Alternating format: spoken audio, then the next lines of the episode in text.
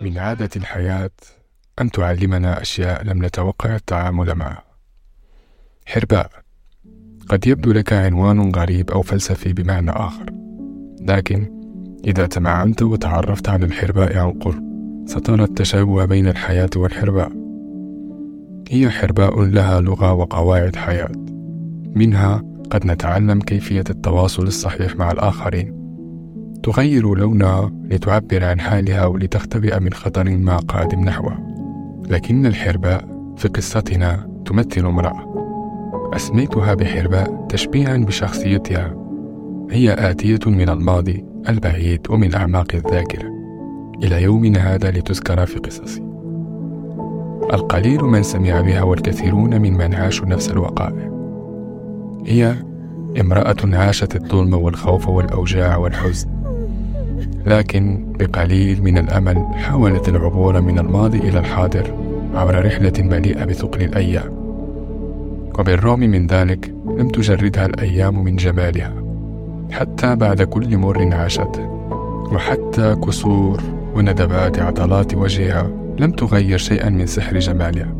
حرباء عيناها مشعتان بلمحة من سقل الأحزان والآلام. ومسار نهر الدموع الذي زادها سطوعا كبرزخ للألوان ماي من سنة 1945 برلين. السنة الأخيرة من الحرب العالمية الثانية. الحرب الأوسع في تاريخ الحروب العظمى. ألمانيا تحت الأنقاض حيث كان على النساء العمل لتنظيف الشوارع.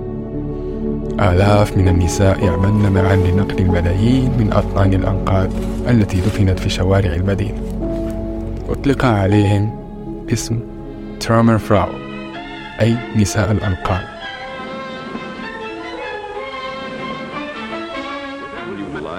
We are still short millions of hands. We must call upon women. All over the United States, women are called upon to leave their homes and take jobs. Among our young unmarried women and among older women whose children are grown, we have a large reserve. مهمة مرهقة ويبدو لا نهاية لها وعدم توفر المعدات والآلات وقلة تواجد الرجال. ما جعل النساء يعملن من أجل العيش حيث كانت الأجرة قليل من الماء وبعض الطعام. قبل نهاية الحرب الحرباء في عمر لا يناهز العشرين عاشت كل هذه الظروف بعد وفاة كل أقاربها في الحرب.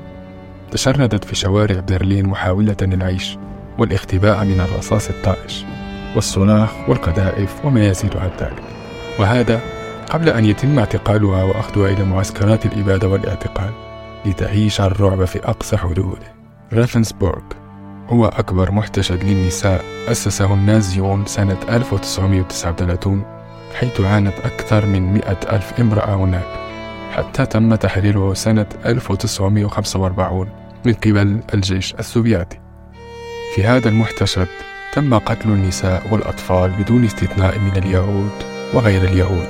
في عمليات قتل جماعية تم استهداف اليهود خاصة بغض النظر عن السن والجنس.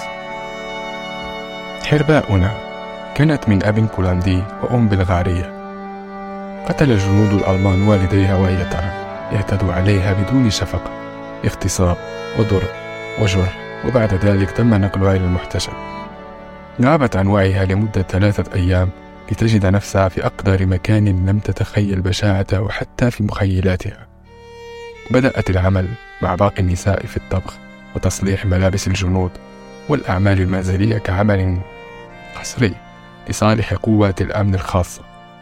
وبعد قليل من الوقت تعرفت على بعض النساء من مستويات مختلفة. لتفكر في تأسيس فريق لتبادل المعلومات والمساعدات الإنسانية كالأكل مثلا. يعني كانوا نساء يتجمعون ويتحدثون عن عن كل الأمور التي تجري في الخارج أو في الداخل. وبعد حين بدأت تنفذ خطتها لتساعد في البقاء على قيد الحياة لأكثر عدد ممكن من النساء المتواجدات في المعتقل ولعبت دورا مهما في العديد من حركات المقاومة الاشتراكية والشيوعية. ولتكسر كل قواعد الخوف أخيرا بانضمامها للمقاومة الألمانية. بينما نشطت أخريات من صديقاتها في المقاومة المسلحة بالمحتشد ونساء أخريات في عملية المساعدة والإنقاذ ليهود أوروبا المحتلة من قبل النازيين ومن بينهم الجندية المظلية اليهودية هانا زينز التي هبطت بالمظلة في المجر سنة 1944 والناشطة الصهيونية جيزي فليشمان. قائدة الفرقة العاملة براكوفنا سكوبينا والتي عملت مع المجلس اليهودي ببراتيسلافا حاولت إيقاف عمليات نفي اليهود من سلوفاكيا. اضطهدت الملايين من النساء خلال الحرب العالمية الثانية إلا أن ما جعلهن في النهاية مستهدفات من قبل النازين هو انتمائهم الديني والسياسي وليس جنسهن حسب السلم العنصري النازي. وحرباؤنا أكملت مسيرتها مقاومة حتى سنة 1946 بعد نهاية الحرب. وبعد سنتين من متاعب ما بعد النهاية غادرت أوروبا نحو أمريكا حتى سنة 1990 لتودع الحياة نهائيا الحرباء إذا ليست بشخصية واحدة. الحرباء هي كل امرأة استطاعت العيش بالرغم من العناء بسبب توحش بعض الرجال. وما يجعلني ككاتب لمحتوى وباحث في قصص التاريخ مفتخرا بديننا الإسلام. في حروب المسلمين ضد الكفار ما كان لرجل مسلم أن يؤذي امرأة مهما كلفه الأمر. لقد رفع الإسلام مكانة المرأة دائما وأكرمها بما لم يكرمها به دين سواه. فالنساء في الإسلام شقائق الرجال وخير الناس خيرهم لأهله. والسلام.